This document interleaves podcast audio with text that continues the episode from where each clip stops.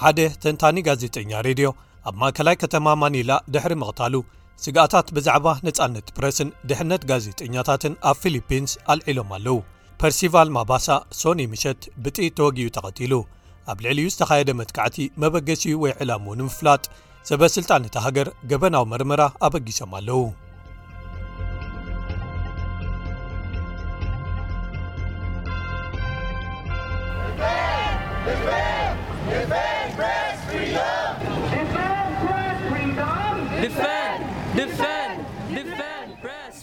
ነዞም ቅትለታት ንምክልኻልን ንፐርሲ ላፒድ ወይ ከኣ ፐርሲቫል ማባሳውን ተባሂሉ ዝጽዋዕ ፍትሒ ክረክብ ንምጥላብን ሓደ ዓብዪ ጽሑፍ ሒዞም ኣድመኛታት ኣብ ፊሊፒንስ ተኣኪቦም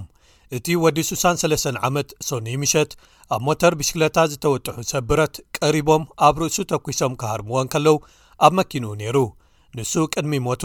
ጋዜጠኛ ኣብ ዝነበረሉ ብዛዕባ ፕሬዚደንት ነበር ሮድሪጎ ዱተርተን ንዑ ዝተክኦ ፈርዲናንድ ማርቆስ ጁኒየርን ነቐፌታዊ ትሕሶታት የቕርብ ነይሩ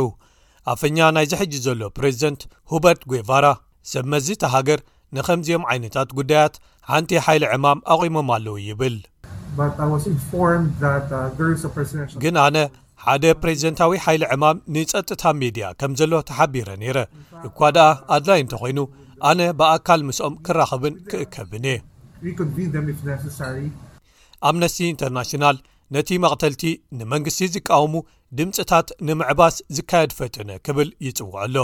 ጆናታን ዴስ ሳንቶስ ካብ ሃገራዊ ማሕበር ሰራሕተኛታት ፊሊፒንስ እዚ ክስተት ንርክባት ወይ ዝምድናታት ኣብ መንጎ ሜድያን መንግስትን ኣብ ሕቶ የእትይዎ ኣሎ ይብል።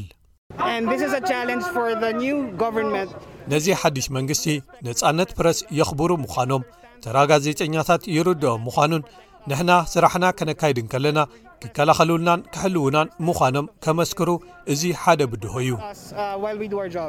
ካልእ ረይ ብላንኮ ዝተባህለ ጋዜጠኛ'ውን ዝሓለፈ ወርሒ ብኻራ ተወጊኡ መይቱ እዩ። ሚስተር ዴሳንቶ ለውጢ መንግስቲ ኣብ ፊሊፒንስ ክሳብ ሕጂ ፍልልይ ወይ ከኣ ምምሕያሽ ዘየምጸኤ ምዃኑ ስግኣት ሓዲርዎ ኣሎ።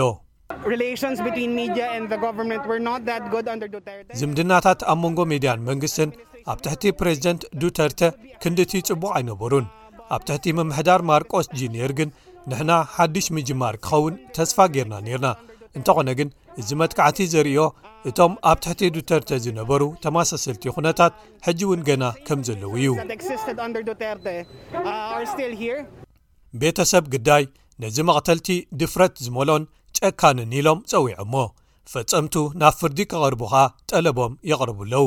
እቲ ወግዓዊ ኣፈኛ መንግስቲ ጠንቂ መቕተልቲ ምስ ስራሕ ዝተኣሳሰር ምዃኑ ንጹር ኣይኮነን ኵሎም ኣንፈታት ይፍተሹ እዮም ዘለዉ ክብል ገሊጹ